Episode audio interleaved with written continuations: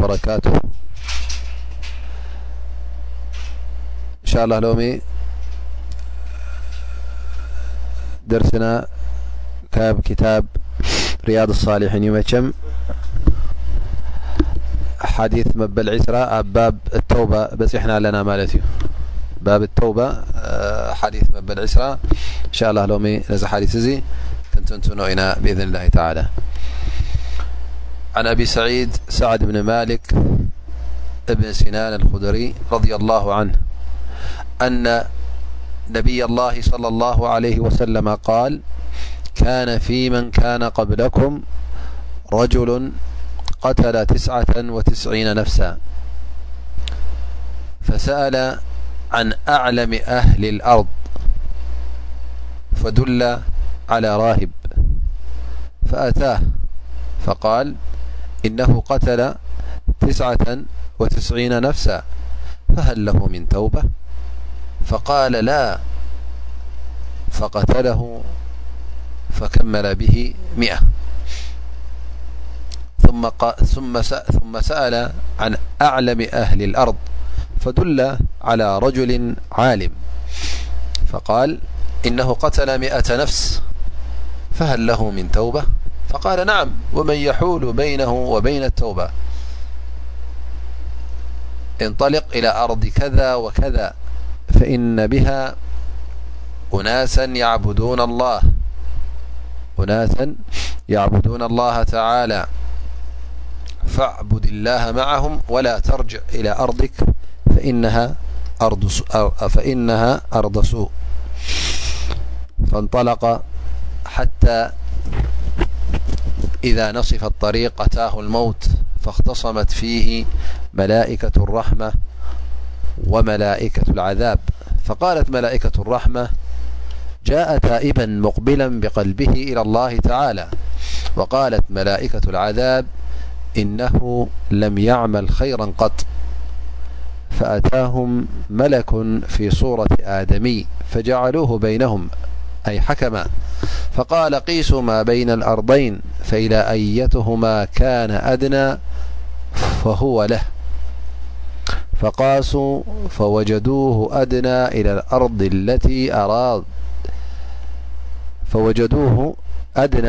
إلى الأرض التي أراد فقبضته ملائكة الرحمة متفق عليهوصيفكان إلى القرية الصالحة أقرب بشبر فجعل من أهلها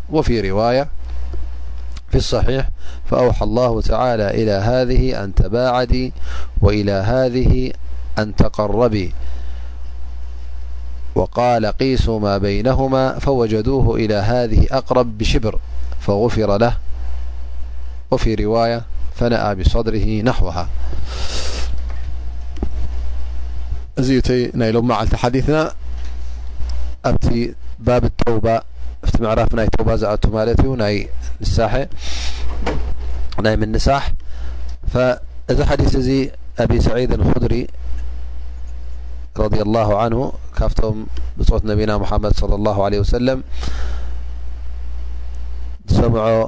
ካብ ነቢና ሙሓመድ ሰለላሁ ዓለይሂ ወሰለም ሓዲስ ይኸውን። እዚ ሓዲስ እዚ ብሕጽር ዝበለ ትንተና እንተ ክንጠቕሶ ኮይንና ነቢ ሰለላሁ ዓለይሂ ወሰለም ብዛዕባ ቅድሚ ሕጂ ተረኸበ ቅድሚ እቲ እዋኖም ተረኸበ ካነ ፊ መን ካነ ቐብለኩም፣ ካብቶም ቅድሜኹም ዝነበሩ ሰባት ከም ዝኣመሰል ነገር ተረኺቡ ኢሎም ሓንቲ ዛንታ ወይ ከዓ ሓንቲ ወረ የውርዩሎም ማለት እዩ ነግርዎም ይብልዎም ሓደ ሰብኣይ ነይሩ እዚ ሰብኣይ እዚ ትስዓን ትሽዓተን ነፍሲ ቀቲሉ ትስዓን ትሽዓተን ነፍሲ ሰብ ኣሕሊፉ ማለት እዩ ነፍሲ ሰብ ቀቲሉ ከም ዝኣመሰለ ሙጅርም ወይ ከዓ ዓብዪ ገበነኛ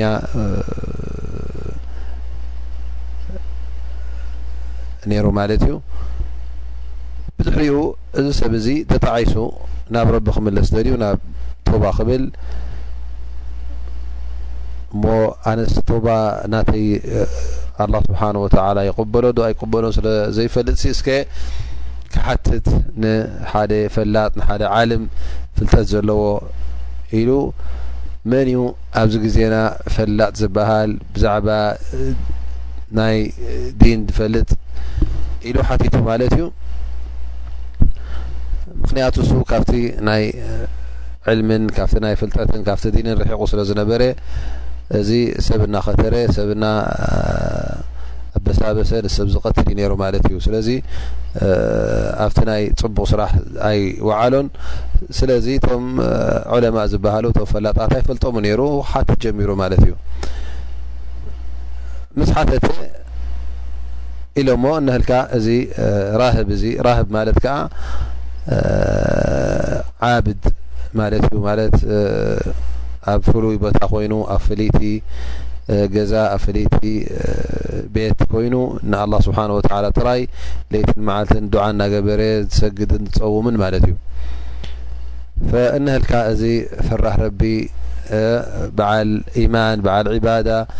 በዓል ፀሎት በዓል ስግደት ተባሂሉ ማለት እዩ እነህልካ እዚ ምናልባሽ እትደልዮ ዘለኻ ናብኡ ትረኽቡ ትኸውን ኢሎም ሰይዶሞ ማለት እዩ ግን እዚ ሰብ እዚ ጠብዓን ዕልሚ ኣይነበሮን ፍልጠት ኣይነበሮን ግን እንታይ እዩ ነይሩ ፈራሕ ረቢእ ነይሩ ዒባዳ ይገብር ይሰግድ ይፀውም ከምዚታት እዩ ነይሩ ማለት እዩ ሕጂ መፅኡ ይብሎ ኣነስ ነርኩም ዳኣሲ ተስዓን ትሽዓተ ሰብ ቀቲለ ተስዓን ትሽዓተ ነፍሲ ኣሕሊፈ ሞ ሕጂ ተጣዒሰ ናብ መንገዲ ክምለስ ደልየ ቶባ ክብል ደልየ ክናሳሕ ደልየ እሞኒ ኣነስ ጎይታይ ይቕበልለይ ዱ ንሳሐ ክፈልጥ ደልየና ክሓተኩም መፅኤ ኢሉ ይቐርቦም ማለት እዩ እቲ ራህብ እቲ ሞንኪሱ ዝነበረ ካብቶም ጸሎተኛ ዝበሃል ካብቶም በዓል ዒባዳ ዝበሃል እዩ ነይሩ እዚ ነገር እዚ ምስ ሰብዐ ዓቢ ነገር ኮይኑ ተሰሚዕዎ ማለት እዩ እዚ ዘንቢ እዚ ጌርካ ደኣ ከመይ ጌርኩ ንስኻ ቶባ እኻ ክቕበለልካ ጎይታ ንስኻ ቶባ ዝበሃል ይብልካን ትስዓን ትሽዓተ ነፍሲ ኣሕሊፍካ ሕጂ ድማ ቶባ ኢልካ ንጀና ክትኣቱ ትሓስብ ኣለኻ ኢሉ ምስ መለሰሉ እዚ ሰብኣይ እዚ መልሲ ዓጀቦን ምናልባሽ ሓንትን ክልተን ተባሂሎም ምኾኑ እሞ ኢልዎ ንዓኻ ትስዓን ትሽዓተ ኩላ እንተ ንጀሃነብ ንጀሃነም እንተ ኮይኑ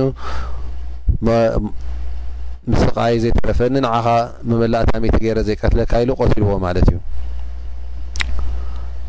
ግን ኣብ ነፍሱ ሕርኽር ክብሎ ነይሩ ገና ድልት ናይ ሰናይ ናይ ር ነርዎ ማለት እዩ ሰብ እዚ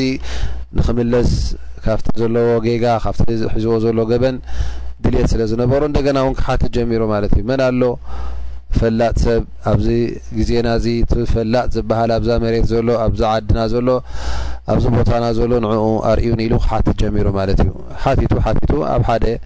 ዓልም ድማ ሓቢሮሞ ማለት እዩ መጺኡ ነዚ ዓልም እዚ ይብሎ ኣነ ከምዚ ከም ዝኣመሰልኩ እየ እሞ ሕቶላሃኒ ክሓትት ደል እየ መፅ ኢሉ ይቀርቦም ማለት እዩ ይብሎ ኣነ ሚቲ ሰብ ቀትለ ቀደም ትሸዓተ እዮም ነሮም ምስቲ ራህብ ምስ መላእ ሚቲ ኮይኖም ማለት እዩ ኣነ ሕጂ ሚት ቐቲለ ኣለኹ ሚት ትንፋስ ኣሕሊፈ ኣለኹ እሞ ቶባ ክብል ተደልየ ክናሳሕ ተደልየስ ንሳሓ ናተይ ቅቡል ዶኸውን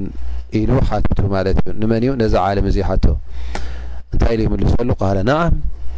ወመን ለذ የሑሉ በይና ወበይነ ተውባ መን እዩ ኣብ መንጎኻን ኣብ መንጎ ተውባንሲ ደው ዝብል ተውባ ክትብል እንተ ደኣ ደሊኻ ኣፍ ደገ ተውባ ክፉት እዩ ኢሉ እዚ ዓልም እዚ ይነብሮ ማለት እዩ ግን ኣነ ክመክረካ እንተ ደሊኻ ኣብ ከምዚ ተኣምእታት ዝስማ ገጠር ወይ ከዓ ዓዲ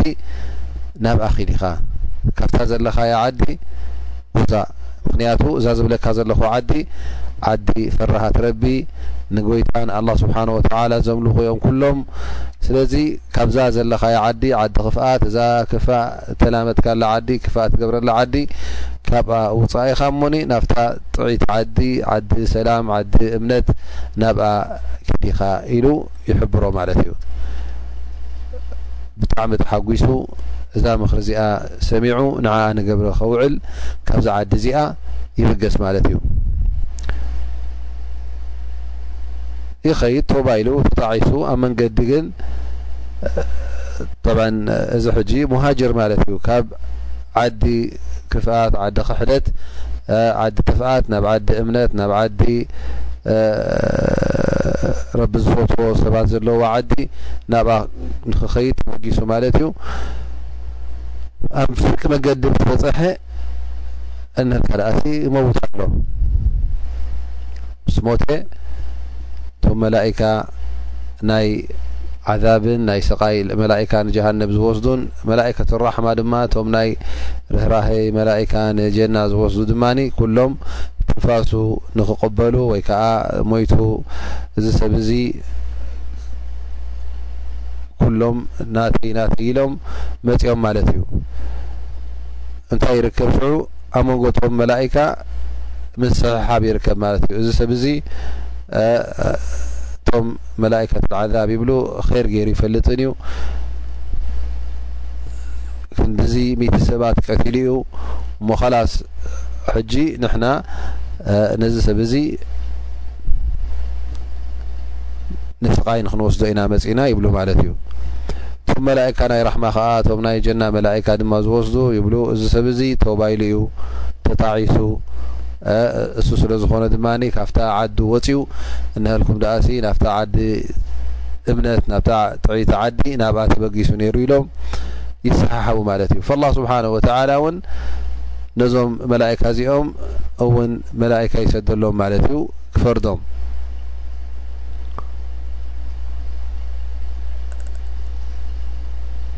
እዚ መላካ እዚ ሰብ ተመሲሉ መፅኡ እንታይ ኹምኩም ኢኹም ትበኣሱ ዘለኹም ኢሉ ይሓቶም ማለት እዩ ሕናስ እዚ ሰብ እዚ ከምዚ ነይሩ እሞኒ እቶም መላኢካ ዓዛብ ይብሉ ንሕና ኢና ናህና እዩ እዚ ሰብ እዚ ክቕጻዕ ኣለዎ ምክንያቱ በዓል ገበን ስለ ዝነበረ ይብሉ እቲኦም ድማ ቶባ ኢሉ እዩ ሕና እውን ቶባ ስለ ዝበለ ኣብቲ ርህራሄ ጎይታ ናብኡ ክኣቱ እዩ ኢሎም እዚ እዩ መባኣያሲና ኢሎም ይጠቕሱሉ ማለት እዩ እሞ ኣነስ ክፈርደኩም እንተ ደኣ ደሊኹም እታ ፍርደይ እዚ ሰብ እዚ ካብታ ተበገሰላ ዓዲ ክሳዕ እዛ ቦታ እዚኣ ክንደይ ከም ምዃና ዓቅንዋ ቀይስዋ ካብዚኣ ድማ ክሳዕ እቲ ዓዲ ክኸዳ ሓሲቡ ዝነበረ ቀይስዋ እሳ እውን ዓቅንዋ ኣብታ ዝቐረበት ዓዲ ርኢኹም ኸላስ ወይ ምስቶም ዝኸዶም ዝነበረ ኣህሊ ኸርቶም ሰናይ ዓዲ እንተ ኮይኑ ምስኦም ክፀርዎ እንተ ናፍታ ክፍእቲ ዓዲ ሕማቕ ዝገብረላ ዓዲ ነይሩ እንተ ኮይኑ ድማ ናብኣ ቁፀርዎ ምስኦም ሕሰብዎም ኢሉ ከም ዝኣመሰለ ፍርዲ ቦም ማለት እዩ ሕራይ እሺ ኢሎም ማ ነቲ ፍርዲ ተቐቢሎሞ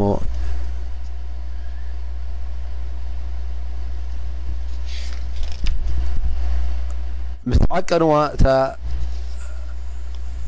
ርሕቀት እታ ዝሞተላ ቦታ ካብታ ተበገሰላ ዓዲ ከምኡ ውን እታ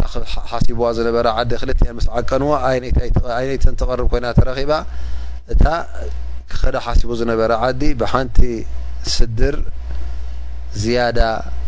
ናብ ኣቐሪቡ ይብሉ ማለት እዩ ወፊ ርዋያ ኣላ ስብሓን ወተላ ነታ ዓዲ ኼር ንዓኣ ቅረቢ ኢልዋ፣ ነታ ዓዲ ክፍኣት ዝነበራ ድማ ርሕቕ በሊ ስለ ዝበላ፣ እቲኣ ቀሪባትሉ እቲኣ ርሒቓትሉ ኢሎም ነቢ ሰለላሁ ዓለይሂ ወሰለም ይሕብሩ ማለት እዩ። ኣብ መጨረሻ መን ይወስድዎ? እቶም መላኢከቱ ራሕማ እቶም ናይ ጀና መላኢካ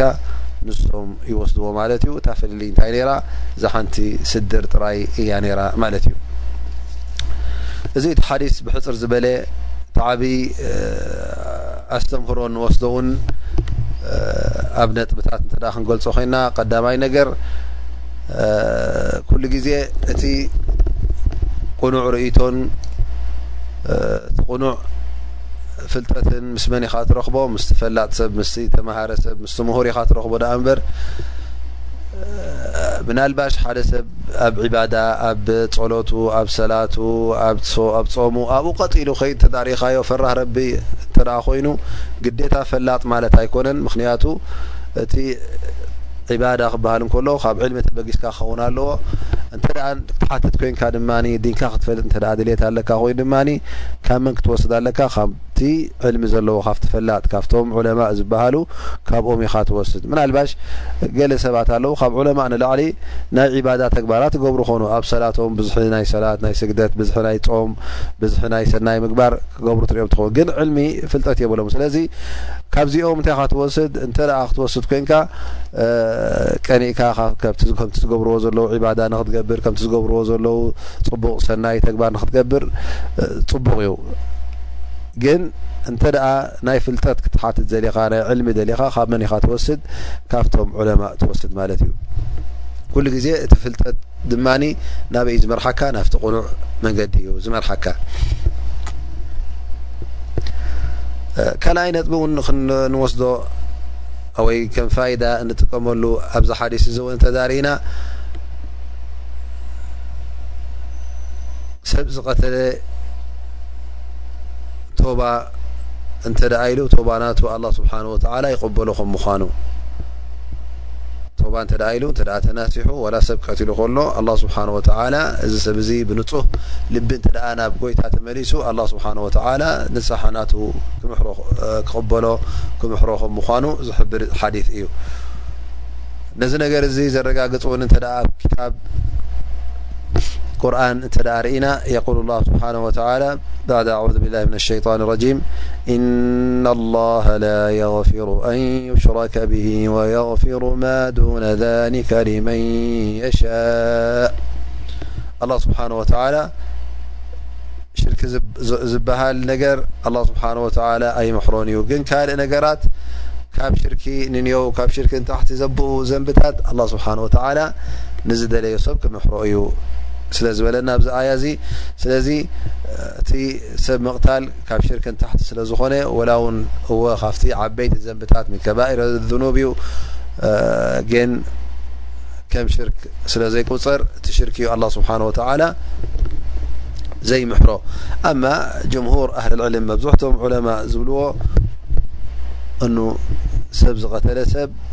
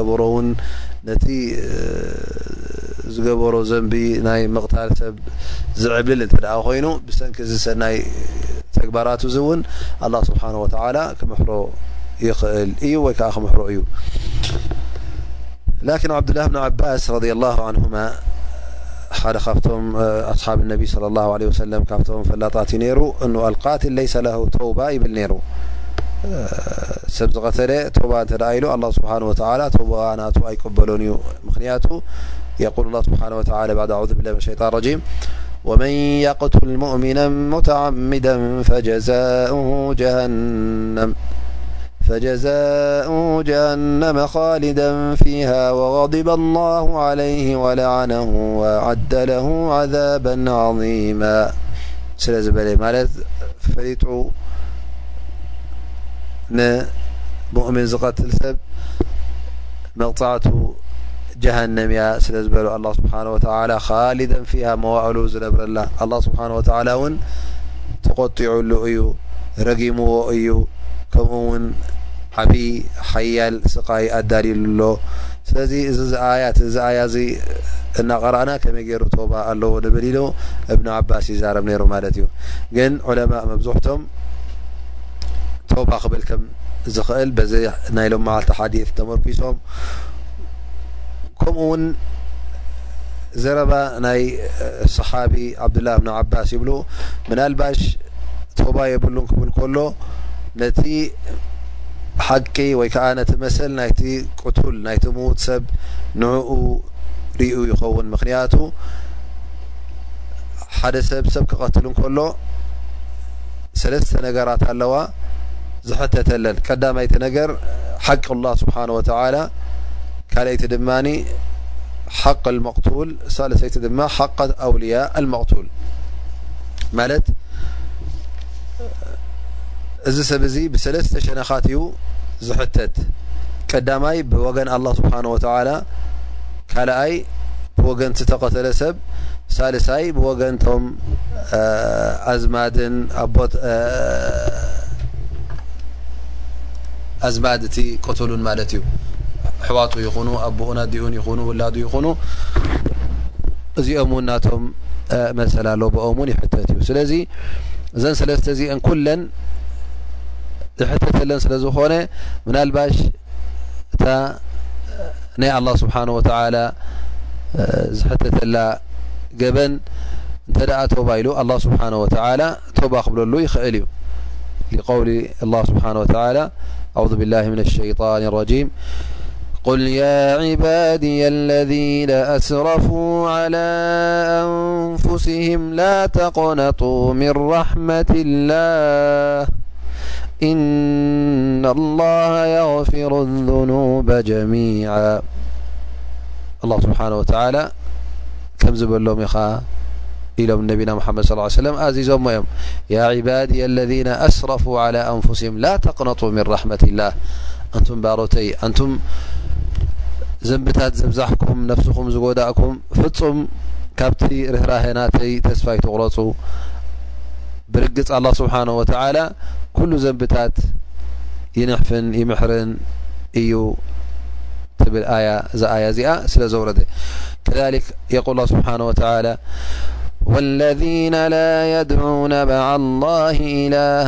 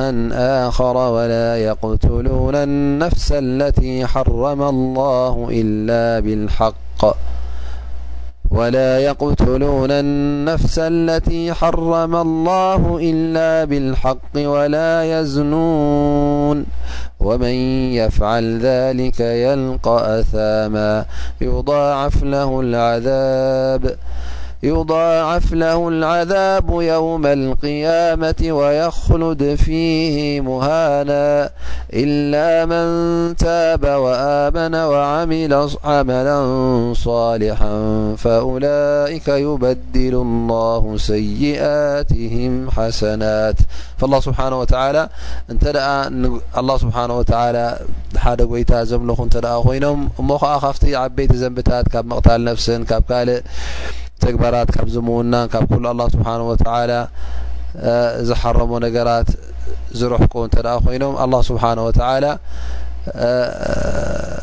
ነዞም ሰባት እዚኦም ክምሕሮም እዩ እንተ ደኣ ቶባ ኢሎም ኢላ መን ታባ ወኣመነ ወዓሚላ ሳሊሓን ነፍሲ ቀትሉ ወይ ውን ዝሙውና ዝገብር ዝነበረ ወይ ውን ካልእ ዘንብታት ዝገብር ዝነበረ እዚ ሰብ እዚ እንተ ቶባ ዘይበለ ኣላ ስብሓን ወተላ ዘንብታት ናቱ ደር ኣኪቡ ኣብ ዮመል ቂያማ ክቀጽዖ እዩ ኣብቲ ጀሃነም ውን ብሕስረትን ውርደትን ክድርብዮ እዩ ግን እንተ ደኣ ቶባ ኢሉ ኣሚኑ ሰናይ ተግባር ገይሩ ግን ኣላ ስብሓን ወተላ ክምሕሮ እዩ እቲ እከይ ተግባራት ውን ዘንብታትን እውን ኣላ ስብሓን ወተላ ናብ ሰናይ ናብ ኣጅሪ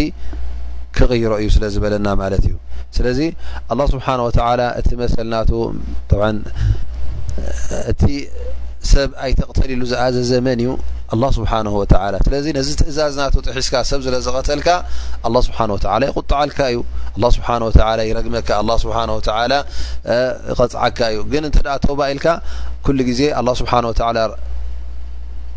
ኣዝዩ ራህራሀይ ስለ ዝኾነ እዚ ርህሩህ ጎይታ ኩሉ ግዜ ንዓና ይምሕረና እዩ። እዚ ከምዚ ገበናት ጌርካ እንተ ተጣዒስካ ተመሊስካ ኣላ ስብሓን ወተዓላ ወላ ነዚ ትእዛዙ ጥሒስካ ከለኻ ይምሕረካ እዩ። እቲ ካልኣይ ነጥቢ ዝበልናዮ መሰል ናይ መን እዩ? መሰል ናይቲ ተቐተለ እቲ ተቐተለ ነብሱ ስለ ዘሕለፍካ ህይወቱ ስለ ዘጥፋእካ ነዚ ሰብ እዚ ጎዲእካዮ ኣለኻ ማለት እዩ ግን እሱ ክምሕረካን መሰሉ ክመልስን እንተ ደኣ ኮይኑ እዚ ሰብ እዚ ስለ ዝሞተ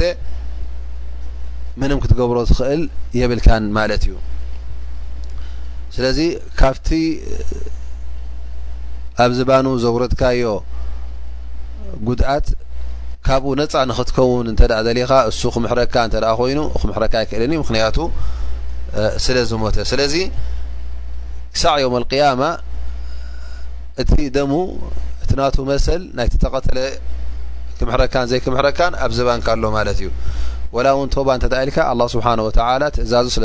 ዝጠሓስካ ምምክን ነዚኣ ቶባ ብልልካ ኸውን ግን እዚ ሰቕ ተቐተለ ሰብ መሰል ስለ ዘለዎ ንሱ ኣነ ምሒረየ ስለ ዘይበለ ክሳዕ ዮም ኣልቅያማ ፅባሕ ንግሆ እዛ ነጥቢ እዚኣ ኣብ ቅድሚኻ ክትፀንሓካ እያ ምናልባሽ እዛ ነጥቢ እዚኣ እዮም ዓብዱላ ብን ዓባስ ሰብ ዝቐተለ ተባ የብሉን ዝበለ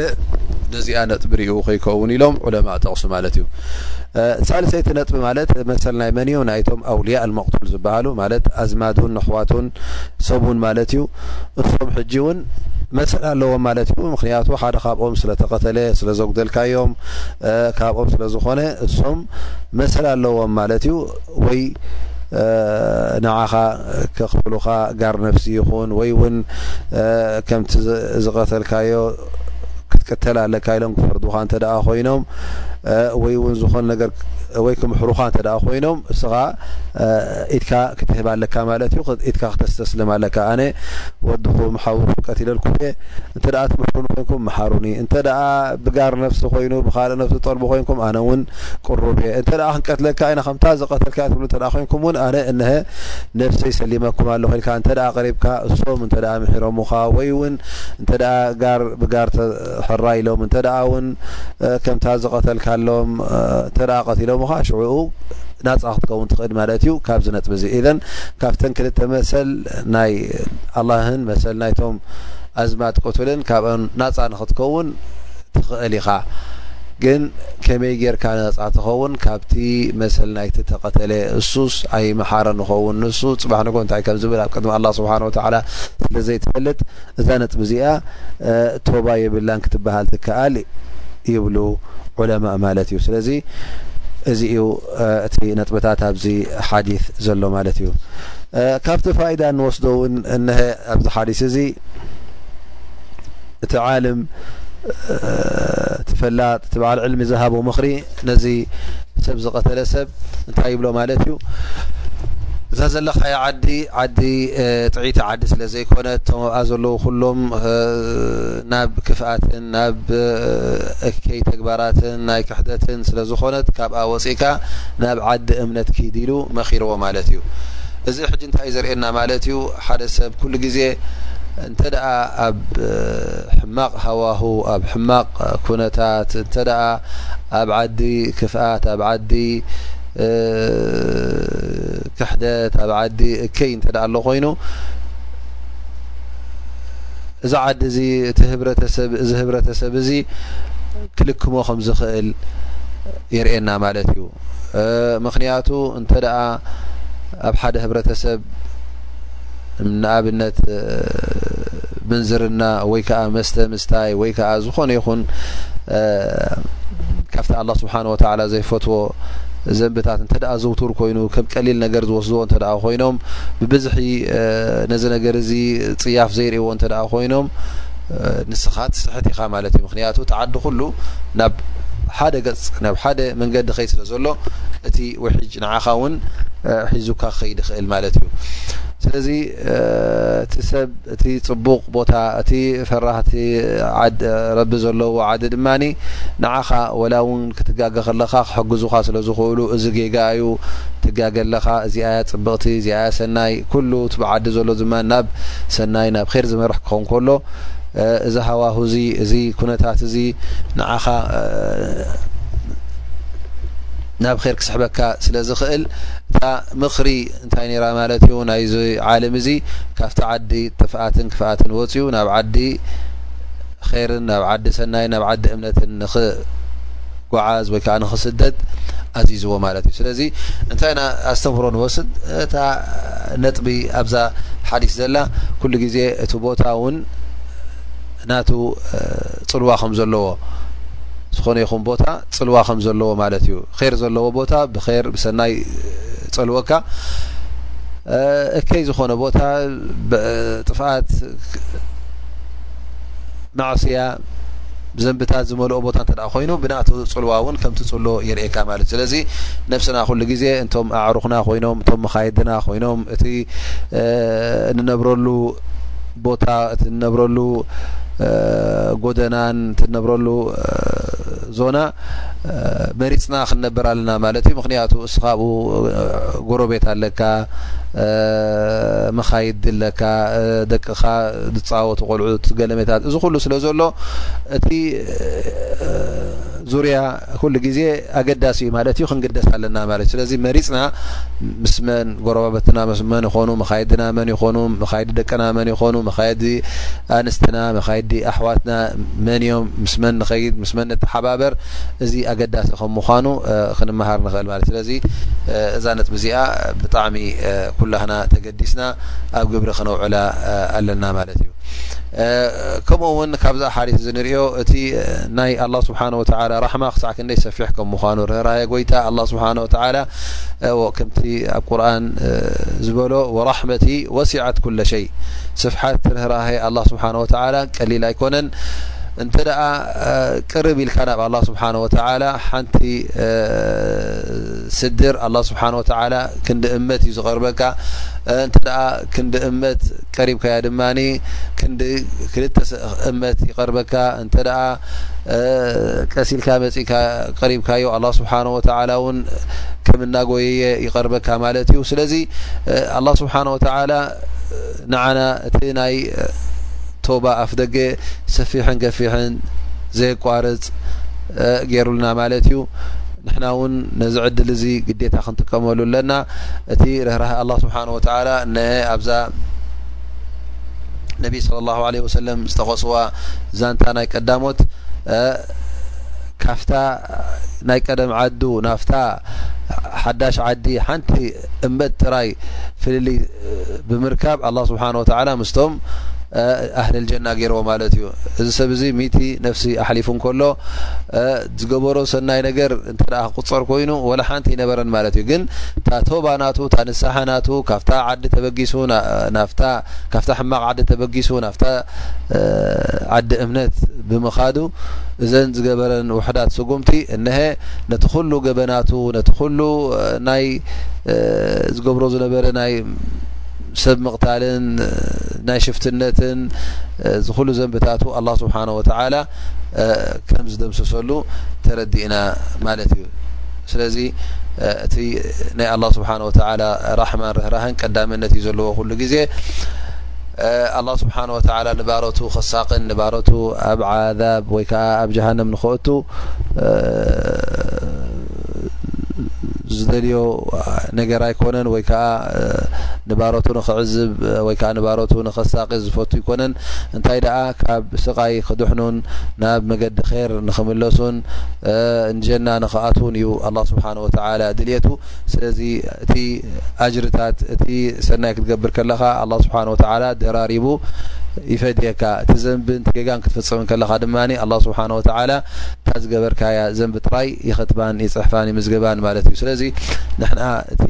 ናይ ኣላ ስብሓን ወተዓላ ርህራህ ርኢና ናብ ጎይታና ክንምለስ ኣለና ወላ እውን ዘንብታትና ይብዛሕ ፍፁም ተስፋ ክንቆርፅ የብልና